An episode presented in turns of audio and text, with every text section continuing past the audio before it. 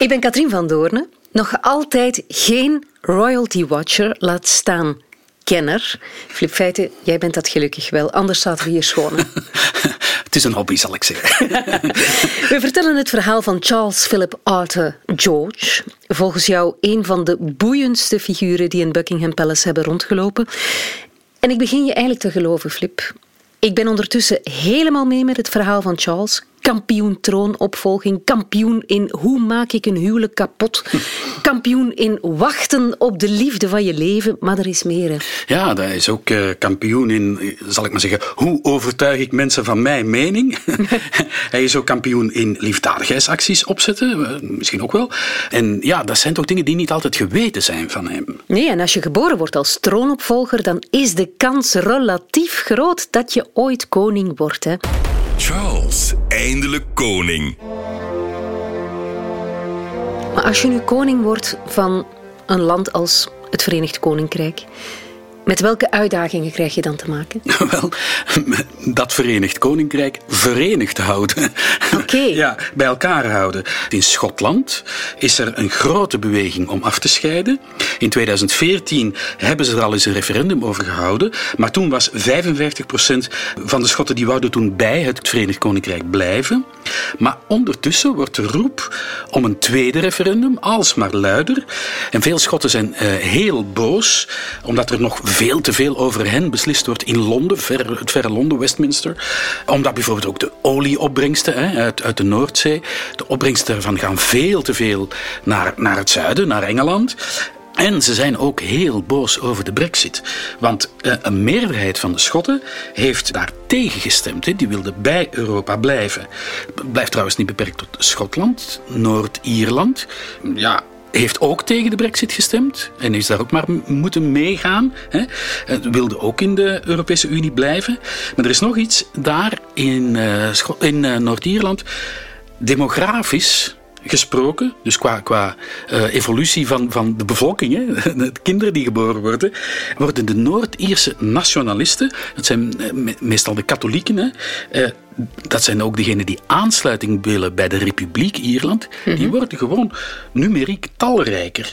Dus uh, dat zou op termijn gewoon door de macht van het getal alleen al kunnen uitdraaien op een afscheiding. Want die, als die ja, de meerderheid bij het stemmen, dan stemmen die voor aansluiting bij de Republiek Ierland en dus afscheiding van het Verenigd Koninkrijk. Maar is het denkbaar dat bijvoorbeeld zo'n regio als Schotland onafhankelijk wordt. Is dat denkbaar? Dat is zeker niet ondenkbaar. Ja, ja, dat zou kunnen. Het zou wel heel raar worden, hè, want dan krijg je in dat grote eiland een landsgrens.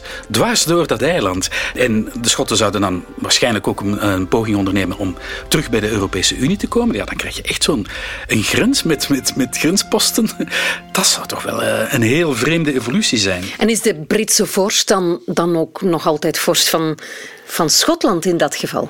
Eh, ze kunnen kiezen, maar eh, dat zou kunnen. Want eh, dat was heel raar. Bij het vorige referendum, toen, dat was toch ja, bijna kantje boordje, dan hebben er heel veel Schotten gezegd van stel, we worden onafhankelijk, dan willen we toch de Britse koningin als staatshoofd houden. Ja, en, in principe kan dat. Want bijvoorbeeld uh, voor landen als Canada, Nieuw-Zeeland, Australië is dat zo. Hè? Daar is nog altijd de Queen. Goed, dat, is, dat, dat zijn autonome. Dat zijn republieken in all but name. Hè? die worden helemaal zelfstandig bestuurd. Maar die hebben nog altijd officieel de Britse koningin als staatshoofd. En dus Schotland, stel dat dat onafhankelijk zou worden, zou daar ook voor kunnen kiezen, hoe raar het ook klinkt. Ja, ja maar dus ja, het, is, het is wel een uitdaging voor de, voor de de Britse vorst om, om het land bijeen te houden. Kan die daar ook daadwerkelijk iets aan doen eigenlijk? Ja, uh, rechtstreeks niet natuurlijk. Hè. Een koning, een monarch staat boven alle politieke partijen, moet totaal onpartijdig zijn over alles, hè, over meningen. Over, uh, je, zal een koning zelfs niet horen zeggen dat hij een Mercedes leuker vindt dan een Audi. Je moet uh, volledig, volledig onpartijdig zijn. Maar er bestaat wel zoiets als, ja, wat, wat in, in Groot-Brittannië noemen soft power. Er is invloed. En je kan proberen, uh, ja, heel subtiel toch, de publieke opinie wat te beïnvloeden. En de Queen heeft dat bijvoorbeeld bij dat eerste referendum over Schotland ook gedaan. Ze kwam uit de kerk in Balmoral en, en ze werd aangesproken door uh, mensen die daar stonden. En die zeiden van, we zullen het maar niet over Schotland hebben zeker. En toen zei ze, I hope that everyone will think very carefully about the future. Oké. Okay. Ja, ik, Ze was duidelijk. Wel, ze heeft niks verkeerd gezegd natuurlijk. Nee. Maar dat is wel opgepikt en in alle kranten is dat verschenen. Ja. Ja. Nu, Queen Elizabeth heeft ook bepleit dat Charles haar zal opvolgen als hoofd van die befaamde Commonwealth. Hè? Het gemene best, zoals wij dat noemen. Maar ik begrijp het nog altijd niet, maar wat is dat eigenlijk, de Commonwealth? Ja, wij kennen dat eigenlijk niet. Wij, kunnen er ons heel weinig bij voorstellen. Je moet bedenken, na de Tweede Wereldoorlog uh, was het Verenigd Koninkrijk gewoon platzak. Die hadden zich arm gekocht aan bewapening en aan verdediging van het land. En toen waren ze nog een wereldrijk. Van, enorm, hè? met enorm veel kolonies. Maar ze konden dat gewoon niet meer betalen. Ze konden dat niet meer in stand houden. En die landen ook, hè, net als bij ons, Congo, wilden gewoon onafhankelijk worden.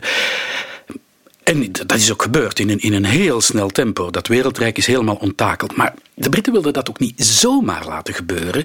En daar hebben ze iets heel slims op bedacht. En dat is die Commonwealth. En wat is dat eigenlijk? Ja, ze wilden die banden behouden met die landen. Want die, die, ja, die waren er toch geweest. Zij waren dan wel de kolonisator. Maar enfin, er ontstaan allerlei banden, culturele banden. Veel van die landen hebben het Britse rechtssysteem. Veel van die landen hebben het Engels als, als officiële taal. Rijden links? Ja, precies. Veel van die landen ja, wordt ook links gereden. Um, en, en ja, dan is die Commonwealth bedacht. En wat is dat op dit moment?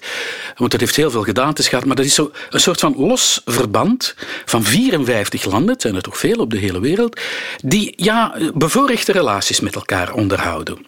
Ehm, het Britse ministerie van Buitenlandse Zaken heet de Foreign Commonwealth and Development Office. Dus die landen hebben een andere status dan alle andere landen in de wereld. Daar gaat het wat makkelijker mee. Daar organiseren ze dingen uh, samen mee. Uh, bijvoorbeeld de Commonwealth Games. Dat is een soort mini-Olympische Spelen. Wij uh, vergeten dat ook altijd, maar die worden dus echt, dat is wel groter, ja. gehouden.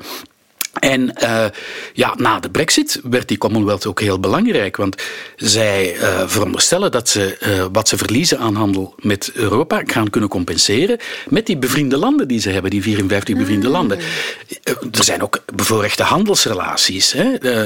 dus en het is een beetje ongrijpbaar, het, het, heeft een beetje tentakels op, op alle mogelijke manieren, maar het is heel belangrijk voor de Britten. Wij denken daar niet aan. Maar ze zeggen wel de banden aanhalen, Flip. Maar, maar dat zijn soms landen die geen greintje te maken hebben met dat koude, regenachtige Groot-Brittannië. Daar zitten heel exotische dingen tussen. Ja, ja, ik moet er nog bij zeggen. Van die 54 landen... 15 daarvan, daar is de Queen nog altijd officieel staatshoofd van. Oké. Okay. Dat zijn eigenlijk Eigenlijk moet je spreken over het Koninkrijk Canada. Dat is belachelijk, want het, land wordt geregeerd helemaal autonoom als een republiek. Maar de Queen is daar nog altijd staatshoofd. Maar we kennen Canada, Nieuw-Zeeland en Australië, daar weten we het van. Maar die andere landen, dat is een beetje minder bekend. Die liggen bijvoorbeeld in het Caribisch gebied, hè, de, in de Atlantische Oceaan, daar in het midden eh, tussen de twee Amerika's. En ook nog een, een paar in de Stille Oceaan. Ik, ik zal ze even uh, opnoemen, want je ogen gaan knipperen. Want je, ik ook, ook toen ik de eerste keer las. Antigua en Barbuda. Nooit van gehoord. Mm -hmm. uh, de Bahamas, dat, dat kennen ja, we dan wel. kennen we wel. Uh, Belize. Ook. Ja? Ja. Grenada.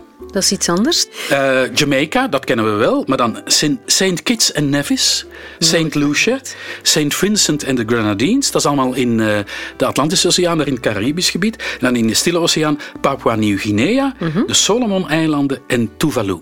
Tuvalu, ik zou het, ik zou het niet kunnen benoemen. Ah. Laat staan het aanduiden op de wereldkaart. Ja, en nu is de vraag natuurlijk... We waren met 16, Barbados, die is eruit gestapt gaan er nog landen volgen. Die willen gewoon de Queen niet meer als officieel staatshoofd. En ik denk dat heel veel van die landen denken van zolang de Queen uh, hoofd van uh, het Verenigd Koninkrijk was, alright. Als Charles uh, de koning wordt, ja, willen we die band dan echt nog behouden? Want het is puur ceremonieel. En, en, en bijvoorbeeld De Bahamas, uh, Belize en Jamaica hebben al heel duidelijk laten merken van nee, voor ons uh, hoeft het niet meer. En de, Royals weten dat ook. Prins William heeft al gezegd van oké, jullie bepalen je eigen toekomst. Niemand gaat zich daartegen verzetten als ze dat doen. Dat kunnen ze ook niet. Maar het is natuurlijk wel een soort van prestigeverlies voor het Verenigd Koninkrijk op het wereldtoneel. Als die landen één na één de, de Britse monarch, Queen, Koning Charles, buiten zetten. Hè? Dat kan. En daarmee gaat natuurlijk wel iets eh, verloren wat voor de Queen ja, echt ongelooflijk belangrijk was. Ze heeft daar al die jaren haar levenswerk van gemaakt, die Commonwealth. Dat was super, super, super belangrijk. Zij heeft ook de titel, maar dat is alweer een ceremoniële titel, van hoofd van de Commonwealth. Er is een dagelijkse leiding, eh, een secretaris-generaal die om de zoveel jaar uh, wordt dat iemand anders. Maar zij is altijd geweest hoofd van de Commonwealth. En die ceremoniële titel die is niet erfelijk. En toen ja, de, de kwestie kwam van wie wordt na de Queen hoofd van de Commonwealth, heeft zij er eigenlijk haar soft power, haar invloed aangewend om daar toch Charles uh, voor te laten benoemen. En uiteindelijk is dat ook gelukt. It is my sincere wish that the Commonwealth will decide that one day the Prince of Wales should carry on the important work started by my father in 1949. Ze was toen 91 hè, toen ze dat zei. Dat is een, eh, een waardige pensioengerechtigde leeftijd, zou ik dan zo denken. Hè. Waarom bleef die Queen Elizabeth zo lang op die troon zitten? Omdat ze het beloofd had. Bij de kroning legt ze een eet af. Dan kan je zeggen, ja, onze koning heeft dat ook gedaan, koning Albert, en die is toch afgetreden. Maar eh, daar is het eh, een beetje speciaal in het Verenigd Koninkrijk, want als je de eet aflegt als monarch van het Verenigd Koninkrijk, dan leg je die af in de handen van God. Dus je belooft aan God dat je koning zal blijven tot je laatste snik. En dan komt er nog eens bij dat je ook in diezelfde ceremonie, koningsceremonie, hoofd wordt van de kerk, van de Anglikaanse kerk. Dus als je dan iets aan God belooft, ja, dan moet je het ook doen. Uh, dus dat is heel serieus daar. En het is altijd zo geweest. Ik zei net, hè, de, monarchische hoofd van de Anglikaanse kerk, scheiding, dat bestond daar toen niet. En, en, een Amerikaanse, uh, daar was geen denken aan. En ja, die, die, die man heeft dus moeten kiezen. Het was of de troon of trouwen met Wallace Simpson. En hij heeft voor het laatste gekozen. Hij heeft vrijwillig afstand gedaan van de troon. Maar dat gaf in dat land een ongelofelijke schok voor de monarchie. Die, die daverde echt op haar grondvesten. Het land daverde een beetje op zijn grondvesten. De ouders van de queen waren toen in alle staten uh, en heel boos op die Edward VIII. Die echt vaandelvlucht pleegde. Hè. Uh, maar dat betekende ook dat zijn jongere broer, en dat was de vader van Queen Elizabeth, koning moest worden. Die had daar helemaal niet uh, op gerekend. En dat was een stotteraar, weet je. Herinner je die film nog? Ja, de, ja, ja. de King's Speech. Met Colin Firth, ja. Ja, en, en die, die is echt letterlijk hè, in huilen uitgebarsten toen, toen dat nieuws kwam van uh, mijn oudere broer die abdiceert en ik moet koning worden.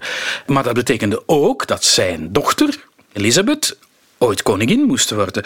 Dus uh, de Queen Mother, de, echtgenoot van uh, de stotteraar, die was ook razend op haar uh, schoonbroer, die afstand deed van de troon. En die heeft altijd gezegd van, het is door zijn schuld dat mijn man zo vroeg gestorven is, van de stress van het koningschap. Want je moet ook bedenken, binnen dat koningschap viel de Tweede Wereldoorlog. Ehm, hij is inderdaad vroeg gestorven, maar ja, Katrien was ook een kettingroker en hij is gestorven aan longkanker. Dus uh, de, de, reden moet wellicht eerder daar gezocht worden. Maar goed, uh, dat was een, een, een aardbeving in de monarchie en daar willen ze helemaal niet meer aan. Vandaar dat de Queen in het harnas sterft.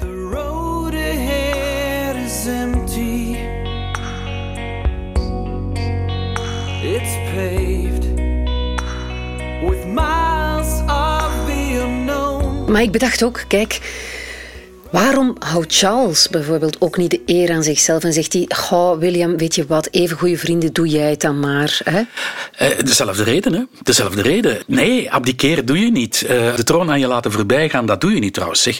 Hij heeft er al die jaren op gewacht en dan nog zeggen: Nee, dank u. Ik denk niet uh, dat dat ooit in zijn hoofd is opgekomen.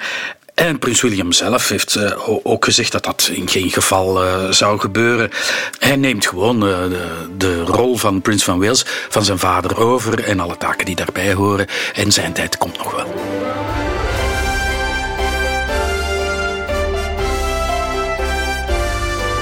Maar het is niet eerlijk. Hè. Ik heb even een, een slordige rekensom gemaakt hoor. Queen Elizabeth die heeft zo bijvoorbeeld veertien Britse premiers voorbij zien komen. Ja. Waaronder Churchill, ja, Thatcher, Blair. Ja. Veertien presidenten van Amerika over Eisenhower, Kennedy en Obama. Sinds zij op de troon zit. En ze zou bij wijze van spreken, want ik weet niet of ze het echt gedaan heeft ooit, hè, aan tafel kunnen gezeten hebben met Charles de Gaulle, Willy Brandt, Boris Yeltsin, om maar te zeggen, die Charles als vorst zal in vergelijking met zijn moeder toch nooit het verschil kunnen maken. Ja, dat is, dat is waar natuurlijk. Zoals uh, president Reagan ooit over Thatcher zei: The Queen is a hard act to follow. Alleen al omdat ze al die jaren op de troon heeft gezeten. Maar Catherine, dat hoeft niet te betekenen dat uh, Charles een slechte koning zou zijn. Uh, ook al zijn regering zal sowieso korter zijn dan die van zijn moeder. Dat, dat, dat is, is duidelijk. denk ik. Ja, maar neem het voorbeeld van Edward VII. Dat was de kroonprins onder Queen Victoria. Dat is eigenlijk de vorst die het tweede langst op de troon heeft gezeten. Ook weer een vrouw, hè? Toevallig. Ja, ja, ja, ja, sterker als dat. Ja, ja, voilà. Uh, en, en God die heeft het in zijn tijd, in zijn jarenlange wachttijd als prins van Wales uh, gepot verteerd, jagen, drinken, naar de hoeren gaan. Enfin, een heel andere Prince of Wales dan, uh, dan Charles, dat kan ik je verzekeren. Maar toen werd hij koning, hij is maar tien jaar geweest. En enfin, naar de normen van die tijd natuurlijk, ja, dat is een goede koning geweest. De Britten verwachten dat helemaal niet, gezien zijn voorgeschiedenis. Het is maar kort geweest en hij heeft eh, de Eerste Wereldoorlog niet moeten meemaken. Maar ja, dat werd ervaren als een heel goed koningschap. Dus het kan, het zou kunnen. Zeker is wel dat Charles zich moet inhouden. Hè? ja. Uh, het is een echte bemoeial, dat weten we. Een, een, beetje een sluwe man die door zijn invloed ook heel veel gedaan kreeg als Prince of Wales. Ja, ja, ja. Hij moet zich sowieso inhouden. Ja, ja. Charles moet eigenlijk zo saai en zo kleurloos als zijn moeder worden. Dat is, ja, is niks aan doen. Van zijn moeder heeft ooit iemand gezegd: ze had de moed om saai te zijn. Dus ja, Charles moet uh, die moed ook vinden.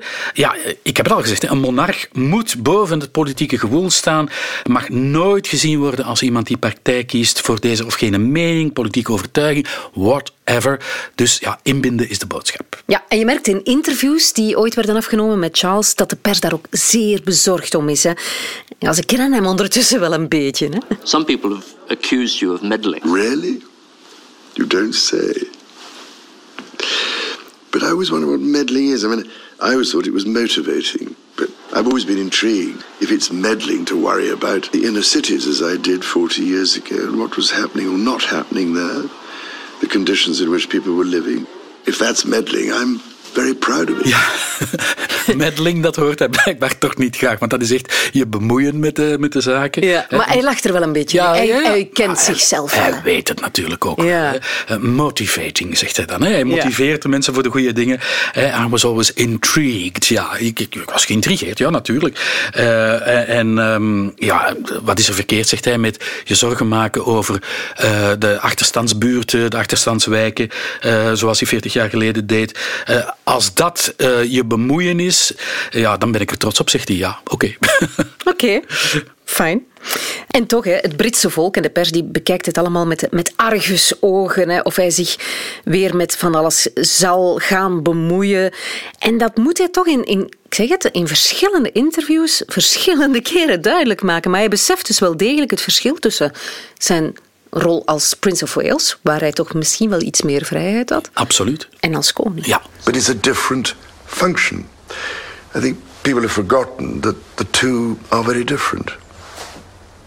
Because there, of course people have expressed worries about whether this involvement will continue in the same way. No, it won't. I'm not that stupid. I do realize that it is a separate exercise being sovereign. Of course, uh, you know, I understand entirely how that should operate. But you could use the convening power you've spoken of for good. Well, you never know, but you could only do it with the, with the um, agreement of, of, of ministers.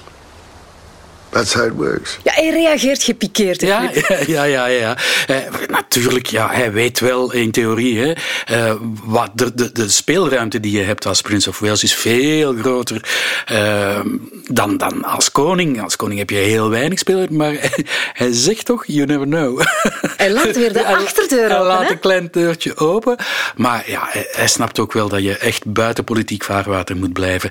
En dat je als eh, koning ook wel goede eh, doelen kan ondersteunen. Maar dat je heel voorzichtig moet zijn. Eh, dat, eh, dat weet hij ook wel. Maar ja, He's not that stupid.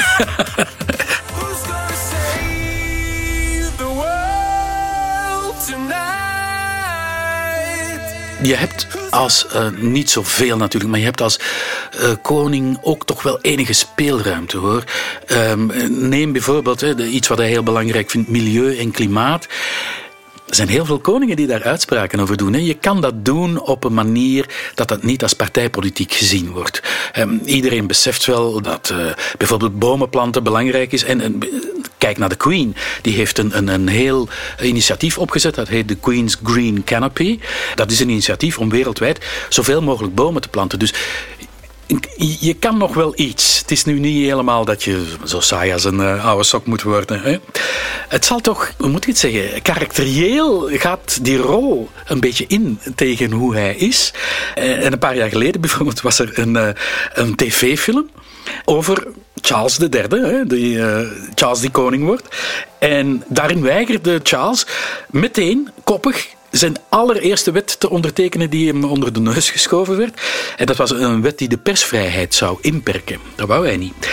Dat werd uiteraard een hele rel en, en toen moest hij wel aftreden in, in het verhaal. En dan werd William koning. En William en zijn echtgenote in die film, die complotteerden echt om hem buiten te werken. Enfin goed, in, in die film wordt Harry trouwens, eh, eh, die stapt uit het koninklijke huis om te, om te trouwen met een gewoon burgermeisje.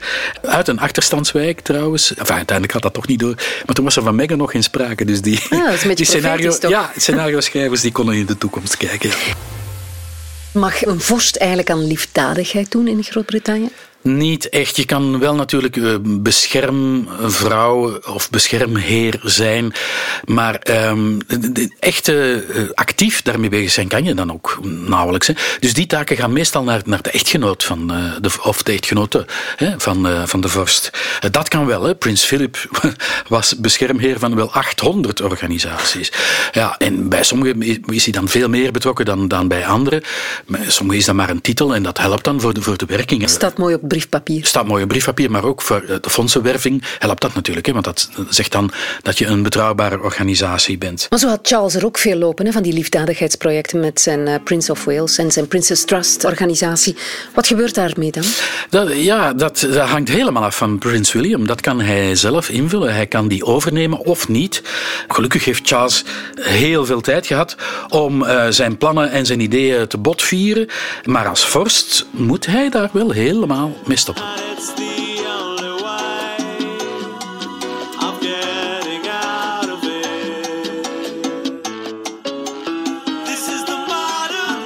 Wat je ook ziet, Flip, is dat het eh, bij de Europese koningshuizen een beetje trendy is om te moderniseren. Hè. Dat hele stijve, dat hele traditionele, dat dat langzaamaan een beetje langs de achterpoort van het paleis eh, wegwaait. Eh, er waait een nieuwe wind. In de koningshuizen, dat kan je toch wel zeggen. Alleen, goh, als je dat dan bekijkt, dat van het Verenigd Koninkrijk, dat blijft nog stijf staan van tradities en plechtigheden enzovoort. Hè. Ja, en dat wordt echt de uitdaging in de, de komende jaren. Want je zegt het, traditie is een beetje de kracht van eh, het Britse Koningshuis. Wij vinden dat toch mooi, die parades met al die, hè, die, die rode uniformen en die berenmutsen. En, het, het, het heeft iets. Ja. Hè? Een- begrafenis, een huwelijk in dat land. We Ja. zitten allemaal, hè? we zenden dat uit. We zitten aan het scherm gekluisterd, dat is toch zo. Maar ja, eh, te ver mag het ook niet gaan. Want neem de kroningsplechtigheid. Ja, die, die van de Queen in, in 1953. Als je dat nu bekijkt, voor sommige mensen is dat toch wel een klein beetje ja, potsierlijk en belachelijk. Al die lords die in kniebroeken met een hermelijnen mantel en een krootje op hun hoofd. Dus ehm, je moet daar een, een, een, ja, een stukje modernisering in vinden, zonder te veel van de traditie los te maken. Dat moet ja, heel geleidelijk gaan. Ja, dat is een heel lastige oefening. Toen prins William op bezoek ging naar eh, Jamaica, toen eh, hadden zijn adviseurs bedacht, weet je wat, draag je witte militaire gala-uniform en rijd in dezelfde Land Rover als eh, waar de Queen in 1953 was het geloof ik ook, dat land bezocht heeft. En dat is een mooi plaatje, dat kunnen ze naast de foto van toen zetten. Dat viel totaal verkeerd. Dat, dat was een interpretatie van. Hij zag er ook uit als, alsof hij een, een koloniale heerser was. Ja, ja, ja. En dus eh, dat was fout. Dat was totaal fout. Dus je moet het beeld dat hij zelf eh, veel meer wil uitdragen. De jonge huisvader, eh, rollenbollen met zijn kinderen over het gras, eh, dakloze werking bezoeken. Heeft als prins heeft hij zelfs eens een, een, een nacht mee buiten geslapen met de daklozen.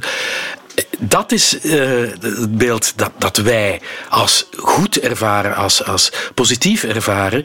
Dus ja, dat is eh, zoeken de hele tijd. Nu, voor de Queen in haar lange regering is dat niet anders geweest. Hè? Weet je, toen zij aantrad, toen moesten de ambassadeurs en de gasten nog achterwaarts de zaal verlaten als ze op audiëntie Nee. geweest waren met de Queen.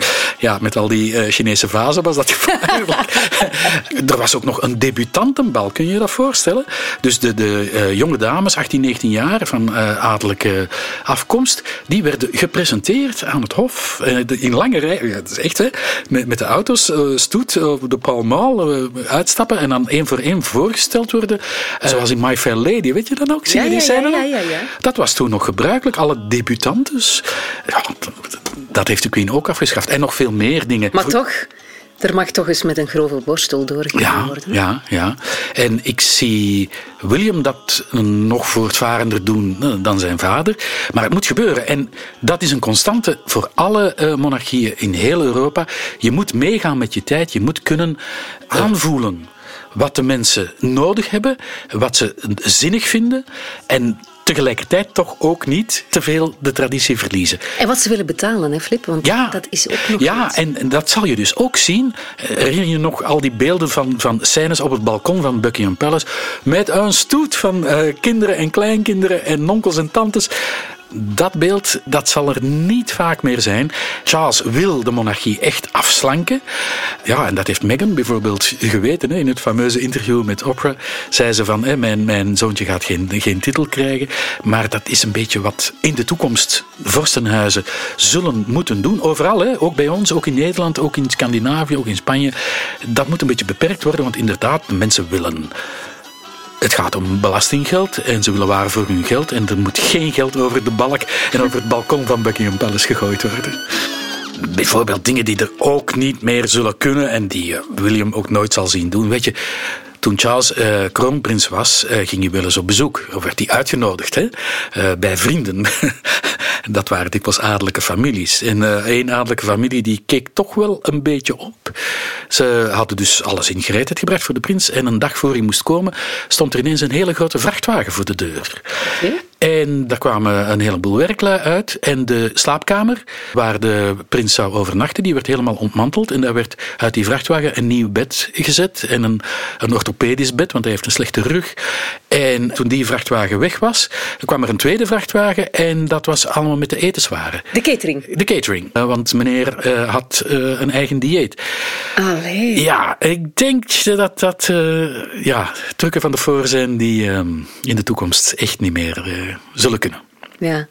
We hebben er al heel lang over gezwegen, maar wat met Camilla? Haar rol is die van Queen Consort. hè. De, de, de Queen heeft daar zelf een duwtje aan gegeven. Dat wil zeggen dat zij, ja, een beetje zoals Prins Philip, hè, ook, ook beschermvrouwen kan zijn van heel veel initiatieven. De PR-oefening die Prins Charles ooit heeft eh, gedaan, weet je nog, waar we het eh, uitvoerig over gehad hebben, die heeft gewerkt. Dus eh, haar rol naast Charles, denk ik, wordt geaccepteerd. De initiatieven waar zij zich heeft achtergeschaard, die, die hebben gewoon ook eh, heel veel sympathie van, van de mensen. Hè. Dat gaat van dierenrechten, eh, over schone kunsten, eh, tot ehm, alfabetisering. Enfin, het, het lezen bijvoorbeeld. Ze promoot...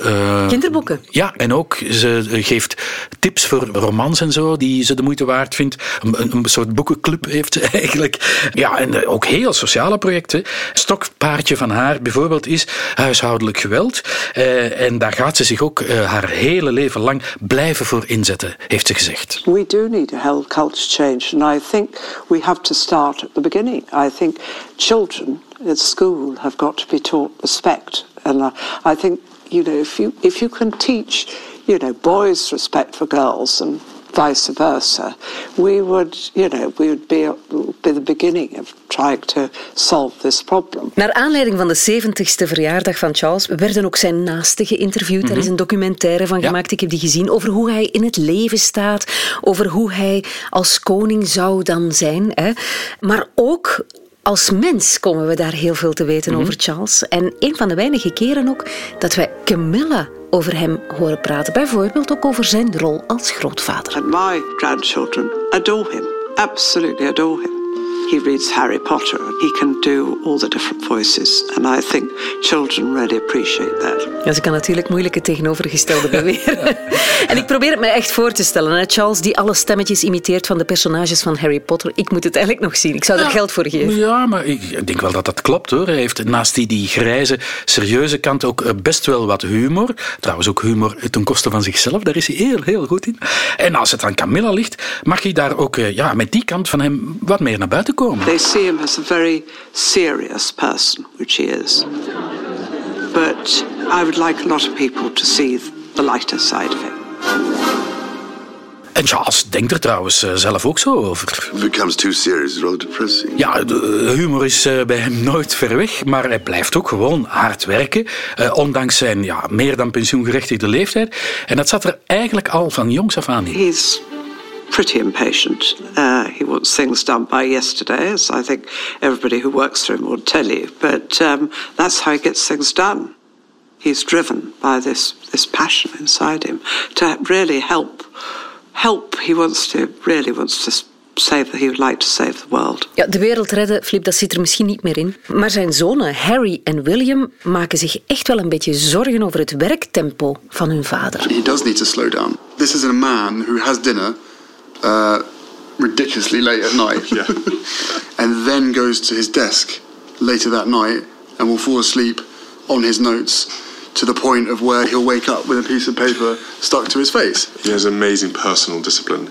So he has, you know, sometimes it's frustrated me in the past a lot. He has a routine. The only way to fit all this stuff in is things have to be compartmentalized. The man never stops. I mean, when we were kids, there was bags and bags and bags of, of work that was the office just sent to him. We could barely even get to his desk to say goodnight to him. Ja, het probleem van die kus voor het slapen gaan, dat zal zich nu niet meer stellen natuurlijk. Maar ik zou zo denken, Flip, hij is op zo'n late leeftijd echt getrouwd met de liefde van zijn leven. Het is misschien wel een beetje tijd voor wat quality time met Camilla. maar Camilla denkt er het haren van. My father once said to me, as you get older, you've got to do one thing, and that is pace yourself. And I'd love to tell him to pace himself, but I'm afraid that's not going to happen. Ja, er zal veel moeten gebeuren voordat hij het rustiger aandoet. Ik heb zelfs horen zeggen dat hij tot op, op kerstdag nog aan het werken is. En zo, ja, het siert hem ook wel. Hè. Hij kent zijn plichten. En Camilla weet dat ook. En ze is dus gewaarschuwd. His destiny will come. He's always known it's going to come. And I don't think it does weigh on his shoulders at all. It's just something that's going to happen. Oké, wat heb ik nu geleerd over Charles? Dat ik hem verdorie niet moet onderschatten. Hè. Hij ziet vaak het grotere plaatje. Hij gaat gevoelige thema's niet uit de weg. Heel veel tabloidverhalen hebben uiteindelijk, denk ik nu achteraf, zijn vele goede dingen die hij al heeft gedaan in zijn leven gemaskeerd. Ja, het, het beeld over hem is veel genuanceerder dan je uit die kranten eh, zou lezen. Het is een eh, intelligente man. Hij, is, eh, hij heeft veel gevoel voor schoonheid. Hij is echt heel bezorgd over de planeet. Hij is echt ja, diep betrokken bij de eh, problemen van zijn land.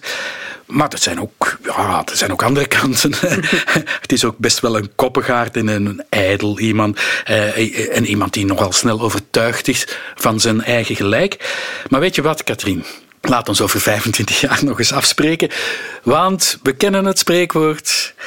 The proof of the pudding is in the eating. Eh, weet je wat, zullen we in stijl afsluiten? Eh, We zijn deze podcast begonnen met eh, de hymne God Bless the Prince of Wales. Ja, deze podcast heet Charles Eindelijk Koning.